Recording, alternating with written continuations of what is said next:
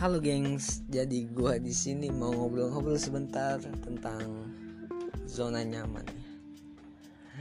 Jadi zona nyaman itu adalah ketika seseorang manusia nyaman dengan keadaannya saat ini dan diulang-ulang hingga seterusnya. Jadi pasti terlintas dalam pikirannya kalau dia hidupnya gitu-gitu aja gitu.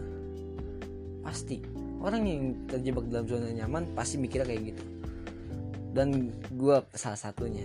Gue pernah kayak gitu juga sebenarnya. Gue hidup gitu-gitu aja nggak ada yang gue lakuin nggak ada yang nggak ada perkembangan dalam diri gue dan sampai akhirnya gue termotivasi untuk mulai bat memulai melewati batasan gue sendiri dan bertahan.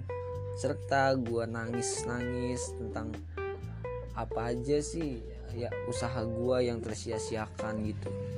Nah gue jadi mau ngasih saran nih untuk generasi-generasi muda terutama para pelajar.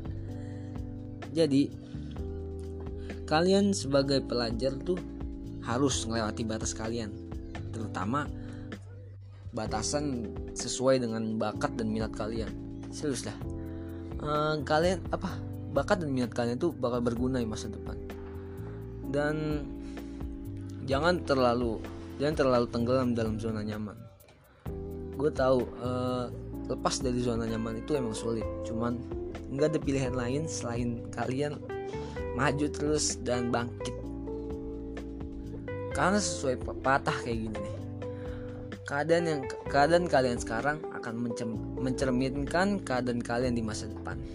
Jadi jangan sia-siakan waktumu sekarang sekarang waktunya untuk bangkit dan terus maju dan berjuang.